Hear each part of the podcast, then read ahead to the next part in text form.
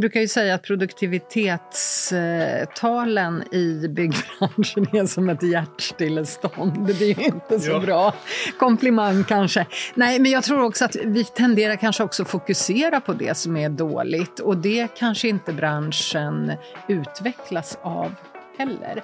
I dagens avsnitt pratar vi hållbarhet med Kristina Lindbäck, hållbarhetsdirektör på Ahlsell och Karin Kryger, divisionschef VS Kyl på Ahlsell. Vi pratar om hållbarhet, både från leverantörshållet och installatörshållet. Hur får man ihop ett hållbart byggande med ett kostnadsperspektiv? Vi pratar förebilder och mångfald inom branschen. Arvred styr skutan efter manus och Rosman kommer med inspel. Nu kör vi! Då får jag säga så här, välkomna Kristina och Karin till podden. Ja. Tack. Kul att ha er här. Ja. Jättekul att vara här. Det, det lät så här, det, det där måste vi ta om. Det var kul att vara här, att, eh, kul att ha er här. Vad roligt att vara här. Ja, men det är bra, vi inleder bra. Men jag börjar alltid med frågan och nu skjuter jag den till Karin först. Hur mår du idag? Men jag mår eh, riktigt bra. Det var sol eh, och ljus när jag gick till jobbet idag. Det var riktigt härligt. Och vad, vad har hänt på förmiddagen?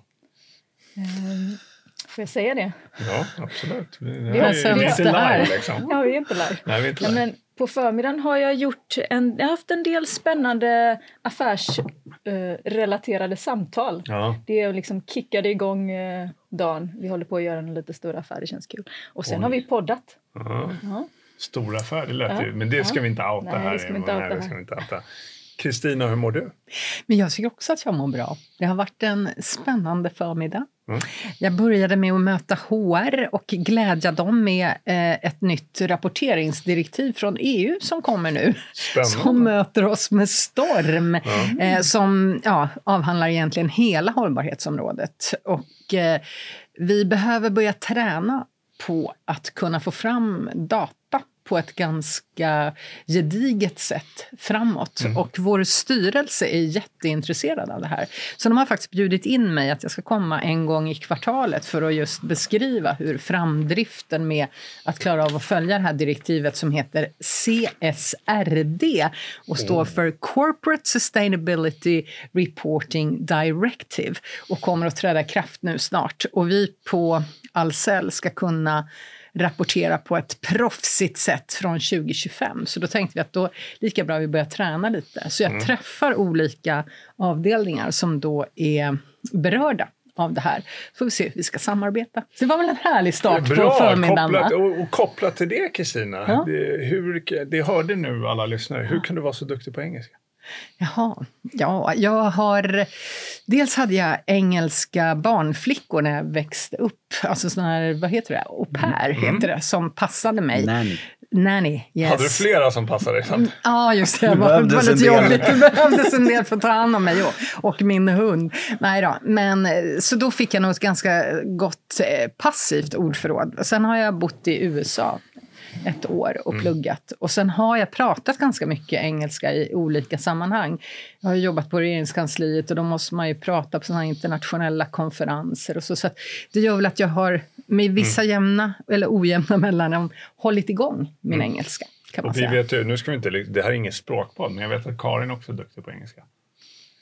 Jag lever ju faktiskt tillsammans med en engelsman. Så att jag vet inte om jag är så duktig egentligen. Jag, jag brukar säga att jag inte är en linguist eller vad man säger. Ja. Men jag tränar ju mycket i vardagen. Mm. Och det tror jag, apropå det där, vi, vi, jag har ju också varit med i samma podd som Karin här Just på det, på förmiddagen. förmiddagen, ja. Och där pratade vi lite grann om vikten av att träna. Det är ju ganska Jag bra. kände mig lite så att Marcus här var lite otrogen då, tyckte jag. För att han då körde en podd vid sidan om. Jag blev lite igår så här, ja, jag ska ju köra podd på morgonen. Men vänta, det här är ju, vi har ju byggsnack. Och så hade du en... Men berätta, vad var det på förmiddagen? För du var ju Eh, också med. Ja, jag var med som sidekick även där. Eh, nej, men det var ju... eh, ja, vi, Vi lyfter fram och presenterar kvinnor på Ahlsell som har olika roller. Och därför var jag med.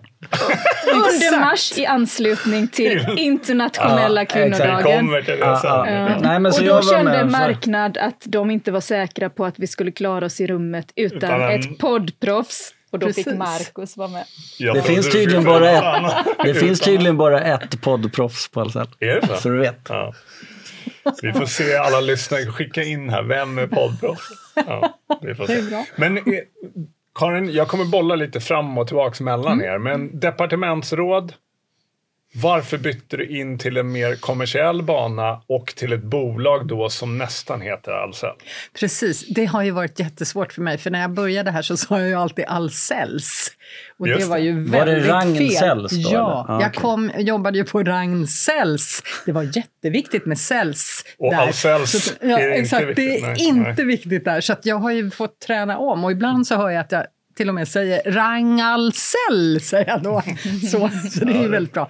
Nej, men det var, det var väl mer eller mindre en slump. Jag kommer från en familj där båda mina föräldrar har jobbat i näringslivet. Så att, eh, jag jobbade mycket med avfallsfrågor på slutet, eller ja, under tiden jag jobbade i regeringskansliet, eh, bland annat. Så att jag fick frågan faktiskt från Ragn Sells, koncern-vd, någon gång där på 2000-talet om jag kunde tänka mig att jobba i näringslivet. Och så tänkte jag, men då hade jag varit på miljödepartementet i ja, nästan tio år blev det nog. Och kände att men det kanske vore jättespännande att testa det. Och så gjorde jag det och på den vägen är det. Och sen vet jag eh, att du har varit en vända på NCC Ja, också. och sen hos Ahlsells. Och miljödepartementet finns väl inte längre? Nej, de fick ju uppgå i ett annat departement Jaha. numera. Och det är ju lite Jag som så... häng, hänger med i samhällsutvecklingen och Exakt. viktiga frågor. Nej, men det tror jag var ganska dramatiskt på sitt sätt. För, dels för vissa anställda kan jag tänka mig, men också för miljörörelsen och så. För att även om man nu har det med som ett underbegrepp så är det lite kanske annorlunda att faktiskt Det är inte inte, ha ett vikt, specifikt kanske. miljödepartement. Nej. Sen tror jag väl också att man kan tolka det som att, som vi pratade om lite grann på förmiddagen, alltså miljöfrågan, hållbarhetsfrågan är ju väldigt komplex och man behöver ju faktiskt samarbeta. Jag tror att det är utmärkt om miljöfrågorna kan få plats i ett näringsdepartement där man också tittar på näringspolitiken. Och kan man då integrera det och se, precis som vi börjar nu successivt som företag uppleva att det är en stor tillgång att tänka hur man kan jobba hållbarhet. Det finns stora effektivitetsvinster att göra till exempel. Så det är säkert på samma sätt i politiken, skulle jag tro. Om man Karin? tittar på det optimistiskt. Ja, det är bra. Vi, vi kommer tillbaka till de frågorna strax. Karin, du har inte varit departementsråd. Det har jag inte. Men du har varit eh, leverantör Ännu. till Ahlsell. Ännu nu. Hultafors grupp, men det var väldigt kort. Ja. Jag kollade ditt CV Ja, nämligen i, det, var, igår. det var ett, eh, ett kort Det konsultuppdrag, får Ja, man ja, säga. okej. ja. eh, Men det var i alla fall en absolut, det leverantör, en Och, leverantör. och koppla. Sen vet jag att du har jobbat ihop med min brors fru.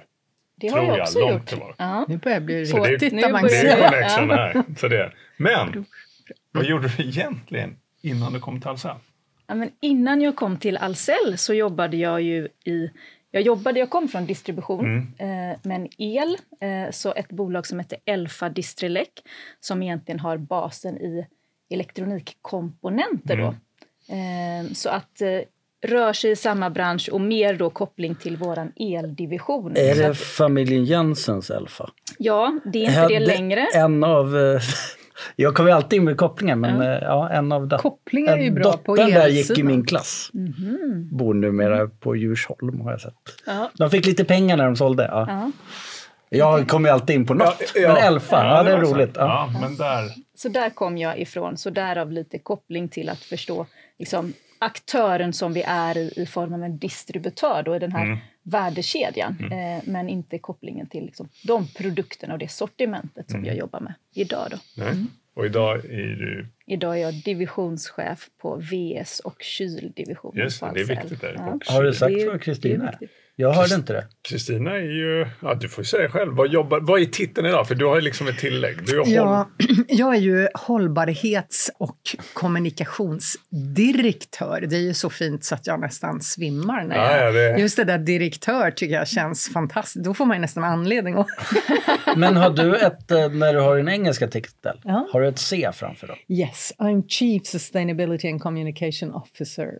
Den här C-suiten, det, är- ja, det är spännande. Nej, men det är tufft när man är internationella bolag att man har ett C framför, Ja. har jag förstått. Det är det, för då, det indikerar att man tillhör den exekutiva Exakt. högsta ledningen. Och det där har man debatterat mycket just med hållbarhetschefer. Hur många hållbarhetschefer är C suit som man Just det, säger. då. ja. Det är ju inte alla som är det. Och det, det tror jag, i dagsläget är det nog en ambitionsindikator när man faktiskt eh, placerar en sån roll i högsta ledning och att man ser att man ska driva hela företagets Ja, utveckling. det känns inte som det har varit så länge.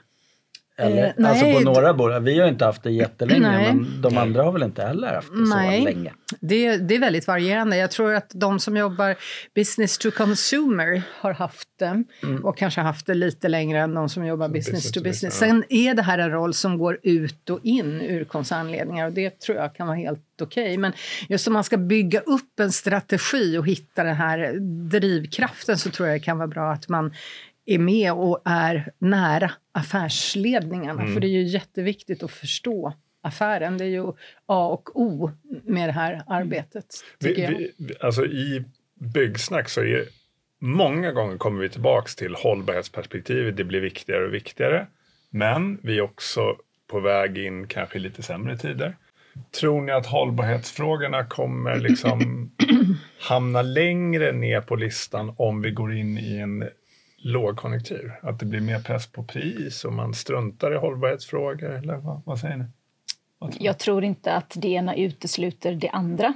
Eh, Utan jag hoppas att det kommer att gå hand i hand. Och hamnar vi i svårare, och vi kanske i, i byggsektorn, nu kommer jag ju med från installation Jo. då, där vi upplever att vi ligger lite Ja, efter men kanske. Så att, men eh, så tror jag i, i såna här tider, det är väl då vi kommer våga innovera och göra annorlunda. Mm. Och i byggbranschen är det väl effektivisering är väl oerhört viktigt framåt, tänker jag. Så att det finns bara möjligheter.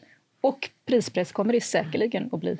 Jag tror också, alltså, jag tror att ju mer fakta vi får kring hur hållbarhetsarbetet kan hjälpa oss, både att spara pengar och att tjäna pengar. Vi har varit, alltså, som hållbarhetschef har man ofta historiskt sett haft ganska dåligt med data. Man har inte riktigt kunnat leda i bevis vad som händer med dittan eller dattan. Men nu börjar vi ju få det och då kan man ju se en stark korrelation mellan att just effektivisera. Gör vi smartare saker, alltså produktionsmässigt, producera smartare, vi använder mindre el eller vad, vad det nu kan vara, så får vi en, en kostnadsbesparing. Där kan hållbarhetsmätningar och liksom kunskap göra stor nytta. Sen tror jag också att om vi vågar ta diskussionen med våra kunder att titta på till exempel total cost of ownership så att man vågar välja någonting som man kan leda i bevis håller längre, behöver mindre reparation över tid, så ser vi också att vi har en vinst. Problemet är ju att vi fortfarande är ganska kortsiktiga i våra ekonomiska överväganden, inte minst på våra byggarbetsplatser. Ja, men det, och det är det jag tänker liksom att om det är byggkunder eller det är en VS-installatör eller elektriker. Många gånger i diskussionen så pratar man ju hållbarhet och det är viktigt och man vill kunna följa upp CO2-utsläpp och det ska vara EPD och så här. Men sen är det pris liksom, i slutändan. Och, det- och det där är ju en, Ibland kan jag tänka så här, är, är det genuint då? Alltså, vad vill vi egentligen? Eh, Det kan vi känna. Det är därför jag tänker om vi går in i sämre tider att det blir än mer fokus på att räkna hem projekt, det är prispress. kan det vara. Men samtidigt så tror jag att jag tror verkligen att det är viktigt att vi som börjar få den här kunskapen med hjälp av våra leverantörer till exempel, vågar stå upp för de här fakta. Och alltså vågar, för att alla har vi ju någon form av okunskap i det här. Och, och tittar man kortsiktigt på, på priset när man håller på och bygger och man verkligen ska köpa in material så är det klart, om beställaren också eller kunden då är väldigt prismedveten så tror man ju att det här momentana priset kommer vara det mest avgörande. Men när man sen lämnar över byggnaden då du ska laga allt möjligt bara väldigt kort efter att byggnaden står klar eller att du måste ha en underhållskostnad som sticker, då har vi ju inte riktigt gjort vår Nej, det hemläxa, tycker jag. Och där tror jag att vi behöver, det behöver vi debattera mer. Jag kommer inte ihåg nu exakt, men byggfuskkostnaderna är ju enorma. Kan du den siffran utan Nej, men jag tänkte- Jag vet inte varför han pekar på mig. Nej, men jag tänkte vi hade en annan gäst som pratade just om eh, byggfusk och att man, vi var inne på det här river hellre då. Liksom. Exakt. Eh, Men jag tänkte installatören, du är ju på installatörssidan då, så vi ska komma in på det. Hur, hur känner du med de kunderna, både små och stora? Tar de hållbarhetsfrågan på allvar? Vad är din känsla där, Karin? Men jag tror att i slutändan så handlar ju allting om kunden Mm. och kundens krav. Och det förhåller sig alla till. Och ja, stora företag som Ahlsell och även stora företag på installatörssidan, de kommer ju gå främst i att ställa krav. Och det är ju inte slut, en installatör är ju, inte slutkunden, utan den kunden behöver förhålla, oss till, förhålla sig till slutkunden. Så jag tror att vad jag ser händer liksom i värdekedjan, det är ju att alla kämpar med att förstå slutkunden. Och som du är inne på, Kristina, att eh, liksom, det, är ju, det är ju kunskapen om total cost of ownership för slutkunden i slutändan, det är ju det som kommer att betyda någonting. Så att vi ser ju väldigt mycket mer samarbeten. Om vi, vi traditionellt har pratat om en värdekedja så kanske vi pratar mer och mer om, när vi försöker debattera det här, om en värdestjärna där kunden är i slutändan. Och vi som installatör då, eller leverantör i, i ledet, vi kan inte nöja oss med att sitta längre bak i ledet för att förstå, utan vi måste förstå slutkunden för att och nu kommer vi väl tillbaka till data. Att the end of the day så är det ju hur datan effektivt kan flöda i hela den här kedjan då. Men eh, då, Du har ju pratat mycket om det, Marcus. Tänker jag, just det Karin är inne på, kundens kund. Att vi pratar om kunden, men vi pratar inte om kundens kund. Det tror jag är viktigt. Nej, och sen, sen tror jag också att eh, det är viktigt att Alltså vi behöver nog hjälpa och det är väl det du menar med att det ska vara någon samarbete egentligen. Vi måste ju hjälpa den här slutkunden eller Ja. värdestjärnan att förstå vad det är som är bra och dåligt. Eller hur? Det är väl det vår, vi ska väl leverera data till så de vet också de hur de ska ta ja. sina beslut. Eller? Ja, och vi måste ju kämpa med... Det är ju lätt i... Det är ju komplext, som du är inne på. Och många famlar lite efter rätt sätt att göra det här. Och om vi då går från en aktör till nästa i kedjan, då kommer vi till slut ta- ta fram en lösning för varje steg i kedjan. Och, och så har ju faktiskt, utan att vara någon expert på bygg, byggbranschen då, men komma ut lite, så har väl byggbranschen kanske fungerat lite. Och, och Skulle det jag tro. tror jag är den stora spännande utmaningen om vi verkligen ska komma någon vart här. Att så kan vi inte se på det. Utan vi vill ju försöka ta vårt ansvar att förstå slutkunden. Vi ska alla minska klimatavtrycket i slutändan. Ja. Och då kan vi inte hålla på att ta fram lösningar aktör för aktör. Och därför har ju till exempel våra divisioner Ja. börjat samarbeta mycket mer för att vi alla bryr oss om och måste förstå slutkunden. Eh, och det tror jag är nyckeln. Eh, och du är inne på det ofta. Samarbete, samarbete, Det samarbete. är ju väldigt viktigt men också väldigt svårt. För jag tänker det att jag kan fascineras över hur vi på våra byggprojekt på något sätt när man har fått sitt kontrakt slutar och skapa en gemensam målbild Ja, med det. sin kund. Då blir man ganska introvert som byggare och så bygger man på och det är lägsta pris och tiden är Ja. jätteviktig och så. Och det här tycker jag är lite konstigt egentligen för någonstans så har vi ju det här, särskilt i byggbranschen, ett enormt samhällsansvar med stora, stora möjligheter att faktiskt göra det här jättebra. Men någonstans i den här relationen, så det är ju också så kanske att eh, om vi kallar det för beställare eller kund abdikerar för själva byggskedet, för det kan ju ni då som ska bygga åt oss. Men förmodligen om man har fokus på kvalitativa parametrar under byggtiden så får man ju en bättre produkt skulle jag tro. Det är ju så partnering kom in till exempel när man har jobbat med öppna böcker och såg att man har gemensamma målsättningar och kan mycket mer föra en bra dialog om vad, vad är det vi vill uppnå, hur länge ska det här huset stå, vägen, vad vi nu gör. Och det tror jag man skulle behöva få in så att man inte, det är ju inte konkurrerande parter utan det är ju samverkande parter för att få den bästa slutprodukten ur både kostnad, hållbarhets och kvalitativa skäl. Så. Och där skulle jag önska att vi fick en bättre dialog, precis Karin som du är inne på. För någonstans, det här är ju en dominoeffekt, man kan inte göra att allt blir dåligt liksom. Eller att man ja, Men- suboptimerar. Men Kristina och Karin, är, är det en seg bransch vi håller på med? Är byggarna sega? sega.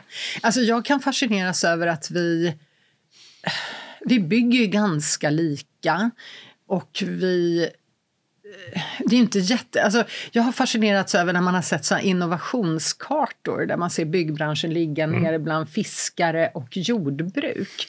Det kan jag känna mm. känns kanske jag, jag lite segt. att vi låg liksom längst ner här Ja, det har ja. vi gjort. Absolut, som byggbransch. Ja. Och det kan fascineras Men vad beror det på? Jag menar, du har varit på NCC, du kommer utifrån och ser det här med andra ögon.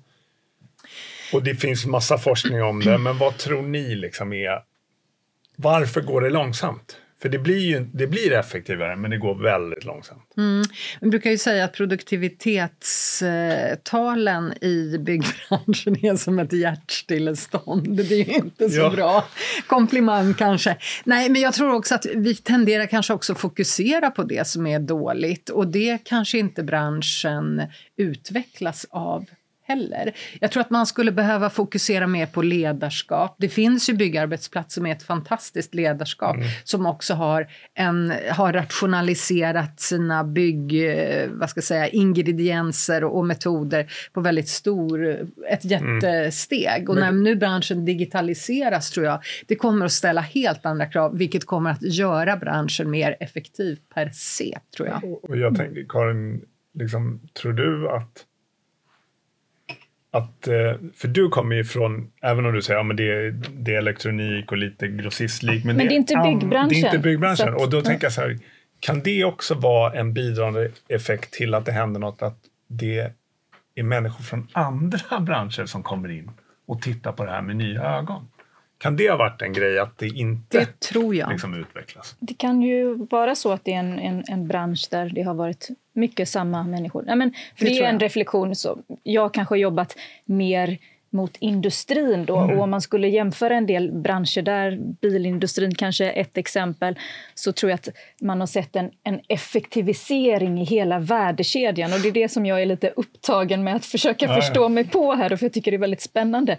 Att där tror jag att det finns väldigt mycket eh, att göra. Mm. Så att det här med att liksom slutkunden får liksom förståelse för hela försörjningskedjan. Mm. Och, och det, det här vi pratar om liksom från aktör till aktör som man upplever att det finns lite silos kanske här i byggbranschen som jag tror att de har brutit ner i en del andra branscher. Mm. Som, ja, ja, från vårt perspektiv då som, som Ahlsell också, vi vill ju gärna se oss själva som en aktör som kan vara med i hela ja. den kedjan då mm. när data blir allt viktigare för att Exakt. effektivisera. Ja, för jag tror du är på något, Micke, där att jag har fascinerats över det när jag började på NCC, vilket ju då är 13 år sedan i år. Jag började där 2010. Att, alltså, man är ju, jag var ju verkligen en outsider. Ja. Jag har aldrig jobbat i byggbranschen. Jag är inte ens ingenjör med byggkunskap. Så jag var ju verkligen en främmande fågel. Men jag blev väl mottagen. Jag skulle ju ha andra perspektiv. Men det har verkligen slagit mig att vi är ganska enögda mm. i branschen. Om jag ska sticka ut hakan. Mm. Men det är väl inget av de största börsnoterade bolagen som exempelvis har haft en kvinnlig direktör Nej. som leder bolaget. Det har aldrig hänt. Det är en eh, aspekt. Mm. Men jag kan tycka att det är lite anmärkningsvärt 2023. Och någonstans så, så tror jag att branschen skulle må bra av att ha yttre influenser, hur man projektleder. För jag menar, det handlar ju, naturligtvis måste man ju omge sig av, byggnadskunniga ingenjörer. Det, det, är, självklart. Men man kanske inte behöver pro vara projekt, alltså som projektledare för att hålla reda på ekonomin och de viktiga ja. parametrarna. Kanske man inte behöver vara det om du har ett tillitsbaserat ledarskap. För jag, jag brukade debattera det här internt och, och jag kom ju då från regeringskansliet och där är man ju man har ju en process som man litar till 100 procent. Mm. Men som statsråd, jag var till exempel chef för den enhet, biträdande chef för den enhet där vi hade kärnsäkerhetsfrågor. Mm. Det är ju otroligt allvarliga frågor. Våra ministrar kunde ju aldrig det, men man hade stor tillit till mm. expertis. Till slut, det är ju ett politiskt beslut, det är bara ett förs förslag man lägger fram. Mm. Och, och så tror jag man kan göra i svåra branscher att du omger dig av experter men beslutsfattarna, om du har ett bra mm. ledarskap, behöver inte ha detaljkunskap. Nej. Här kan vi ju se att högsta direktören har sån detaljkunskap så att han ja, kanske till exempel tar bort alltså ansvarsfrågan. För, men du, varför har du den här Ja, armeringsdimensionen? det. på, jag skulle ha satt den här. Alltså, då kan du ju faktiskt ta bort ansvarskänslan för den här medarbetaren. Man, det skulle kunna Ja, vara så. ja, nej, men- Och det tror jag inte man tänker på. Nej. Och det tror jag man skulle behöva debattera. Hur utformar man ledarskap? Hur utformar man ansvaret på ett projekt? Om man kan liksom gå ner från absolut högsta och fråga, okej, vilken mutterdimension hade Ja. du här? Det, det kan ju vara att du desavouerar faktiskt eh, tillit och, och ledarskap. Det skulle kunna vara så. Jag gör aldrig det som ledare. Nej, du kan ju inget. Så då, då kvittar det. Med Det var en härlig... Det är därför Marcus är med. Men vi ska prata lite, vi ska lämna hållbarhetsspåret, ledarskap, vi ska komma in nu, för vi har Karin med här. För nu, det är ju alltid så i podden Byggsnack. Vi har ju haft Elektrikerpodden med. Vi har idag representant för rörmokarna. Coolt! Och då är det ju så lite så, ja men byggarna tycker ju att de är framkant och är mest moderna och gör allt rätt. Och hur, hur tror du en, hur ser en installatör på byggan? Hur Nu när du har varit med ett tag, vad tror du? hur en installatör ser på byggaren. Ja, det är byggsnack, nu vill vi höra här. Liksom. Du tänker så. Wow. Nej, men jag tror att eh, inom rörmokeri så tror jag att det finns en otrolig yrkesstolthet. Eh, och det tror jag att det finns inom många skrån. Eh, men det är det jag upplever när jag är ute och träffar eh, våra liksom, slutkunder eller slutanvändare. Så att det finns säkert eh, en känsla av att så, en byggare är lite mer genera generalist och så vidare och att en, en rörmokare är väldigt kär sitt skrå och sin, sitt yrke och sin yrkesstolthet. Kom inte hit och berätta för mig eh, vad jag liksom kan bäst. Det kan jag tänka mig. Mm. Men byggan, alltså, och lite allvar i det, det vi ser byggan göra när vi tittar på byggan från vår, vårt perspektiv, det är att byggan faktiskt har tagit en del jobb, både från elektrikerna och från VS-installatörerna. Liksom de, alltså, förr så kanske en eh, rörmokare eller en VS-installatör satte diskbänken, Ja, men det gör byggan. Eh, det är kanske till och med så att de köper blandarna. De drar eh, slang. Men de installerar inte, de kopplar inte in. Liksom. Och det tänker jag så här, och, och det där är ju någonting som hela, det skapar ju en förändring i branschen. När byggarna ser att så här, men vänta, vi kan ju köpa in det här själva, eller vi kan göra det här själva. Vad, vad Mm, tror ni det. om den utvecklingen? Kommer den fortsätta? Att byggan gör mer och mer? Ja, men jag tror att vi kommer tillbaka till det här igen med att alla förstår sig på slutkunden och med hela alltså digitalisering så att allting, så här, allting som syns i ett badrum idag, det finns ju väldigt tydlig data och trender på att det är ju mer och mer konsumenten Ja. som både beslutar det och som gör inköp av det. För vi bryr oss om hur det ser ut i vårt badrum mer och Just det. mer. Och jag tror att det är den trenden som kanske driver att då inköp förändras. Och eh, en rörmokare kanske inte i lika stor utsträckning idag eh, har eh, möjligheten att, att sälja det attraktivt till en slutkund. Det kanske finns fler byggare som, Det- som fokuserar på det. Eh, Det, det, där tror jag du har helt rätt. För om du ska göra ett badrum eller ett kök så är det byggaren du kanske kontaktar först. Du börjar inte kontakta en elektriker eller en rörmokare. Och då tar byggaren hela liksom, ansvaret. Och, och återigen då till liksom att rörmokaren är väldigt stolt sitt yrke Ja. och det är kanske att dra rören och det är mer grova jobbet som Mm. kommer till yrkesstoltheten. Inte att hänga upp det som hänger i badrummet. Vattnet ska komma ur kranen. Ja, men precis. Och Blandaren. Kan. Ja. Blandaren och, och blandaren, är kanske, blandaren är kanske det känsligaste just nu, då, för den Ja. kommer det ju vatten eh, ur. Just Så det. att, eh, det, det är ju väldigt intressant. Mm. Ja, ja, men eh, ja, det var bara ett perspektiv. Vi eh, rullar vidare. Det är 8 mars idag. Okej. Härligt. Behövs det en kvinnodag? Vi ska fira kvinnor varje dag. Och män. Nej, men Men det finns väl det? dagar för, det finns ju dagar för väldigt mycket kanelbullar och för några veckor sedan var det ju sem, se, fettisdagen, vi firar semlor. Så att, Alla menar, vi ska inte göra hjärtans en, dag. ja, Vi ska inte göra en så stor grej, det blir väldigt mycket debatt kring Mm. det här med kvinnor också. Så att jag skulle vilja avdramatisera det tror jag. Eh, Jag tror också det. Alltså, det, det beror ju på vad man gör av dagen. Att vi självklart behöver lyfta upp att vi kan ha samma yrkesroller och göra samma uppgifter oavsett. Det handlar ju om andra saker än vilket kön vi tillhör. Det tror jag är väldigt viktigt. Och särskilt att debattera det i branscher där man har gått långsamt i att faktiskt hylla mångfald och, och kanske eh, vad ska jag säga, förespråka mångfald. Där tror jag att man behöver det. Sen om man behöver ha en speciell dag för det. Jag tror att den debatten behöver hållas levande 365 dagar om Mm, året. ja. Där vi har de utmaningarna. Ja. Och det tror jag är viktigt. För jag menar, om vi tar byggbranschen som Mm. vi sa, har vi inte haft en enda kvinnlig vd på högsta position i något av våra allra största byggbolag, så det är väl symptom Mm. på någonting kan jag tycka. För jag har väldigt svårt att tro att vi inte har kvinnliga, om vi nu vill ha ingenjörer på den posten, som inte skulle klara av det jobbet. Det har jag Mm. väldigt svårt att tro.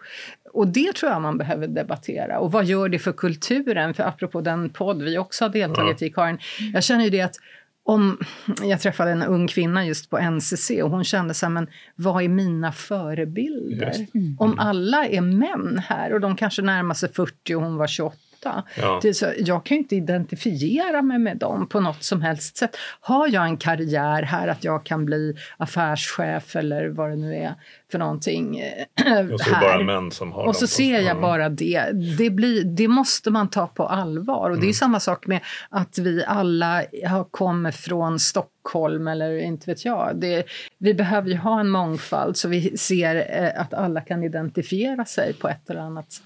Det tror jag är viktigt. Ja, Du definitivt. kommer ju från Sollentuna. Ja, jag kommer från Sollentuna. Så det- det är inte Stockholm. Nej, men jag, Jag, jag kommer kan från tycka, Göteborg så ja, att... det ja. hörs knappt. Det, det som är bra med den här dagen är ju faktiskt att de skillnader som fortfarande finns Alltså det kommer alltid statistik den här dagen.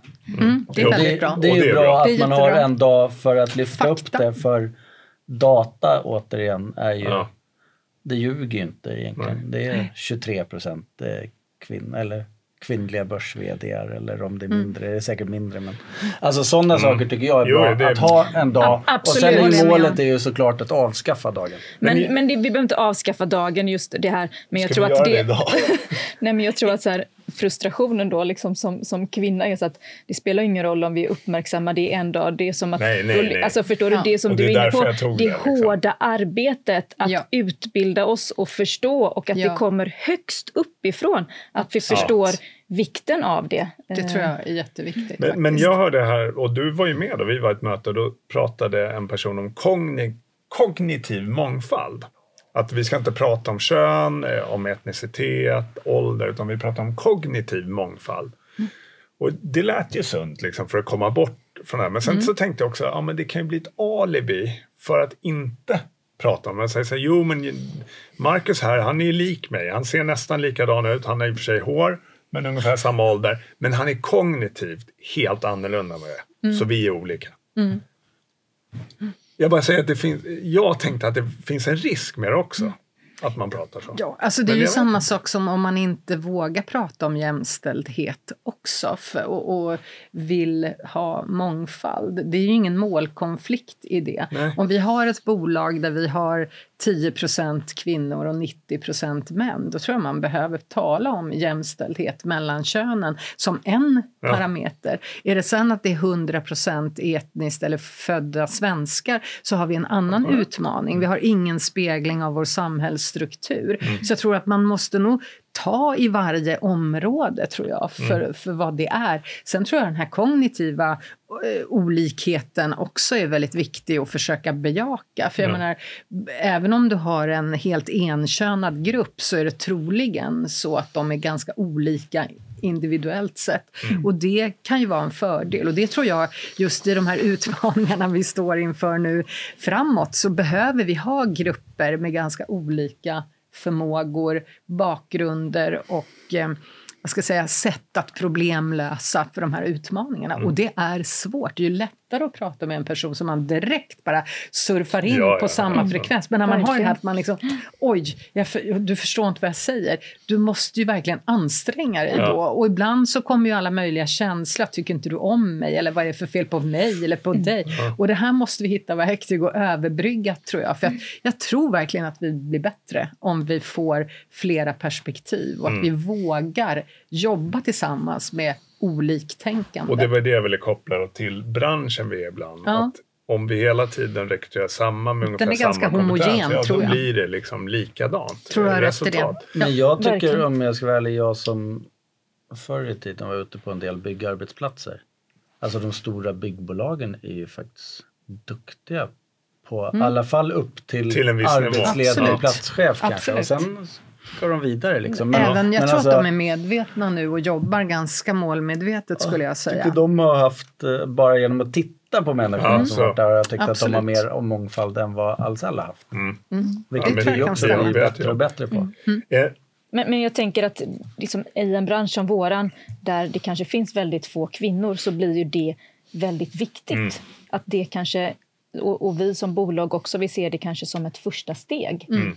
Ja, För ja, att ja, med ja. det så kommer kanske annat och så vidare. Och det här med det kognitiva, det kanske är nästan, som för mig är det nästan det är nästa steg och vi kan jobba med dem parallellt. Ja. Men det är Exakt. viktigt att vi förstår att även de vi ser lika ut, att vi ändå kanske tänker väldigt O- olika. olika, ja. Mm. Så att vi har det perspektivet. Men, eh, men det ena förtar väl inte det andra. Vi ska inte sluta tänka på mångfald i form av i våran bransch. Vi- behöver fler Nej. kvinnor, det är ett faktum. Ja. Ja. Ja. Och vi behöver också förstå det kognitiva, men vi ska inte gå, gå åt det hållet heller bara, tror jag. Klokt sagt. För. Sista, eller podden vi hade innan det här, så då var inte jag med. Då var du med, Marcus. Ja, jag fick Då- köra själv. Då fick du köra själv. Ja. Wow. Micke var i cykelolycka. Cykelolycka. Jag. Men jag sms. Men du, tog, du fick mitt manus och det gick jättebra.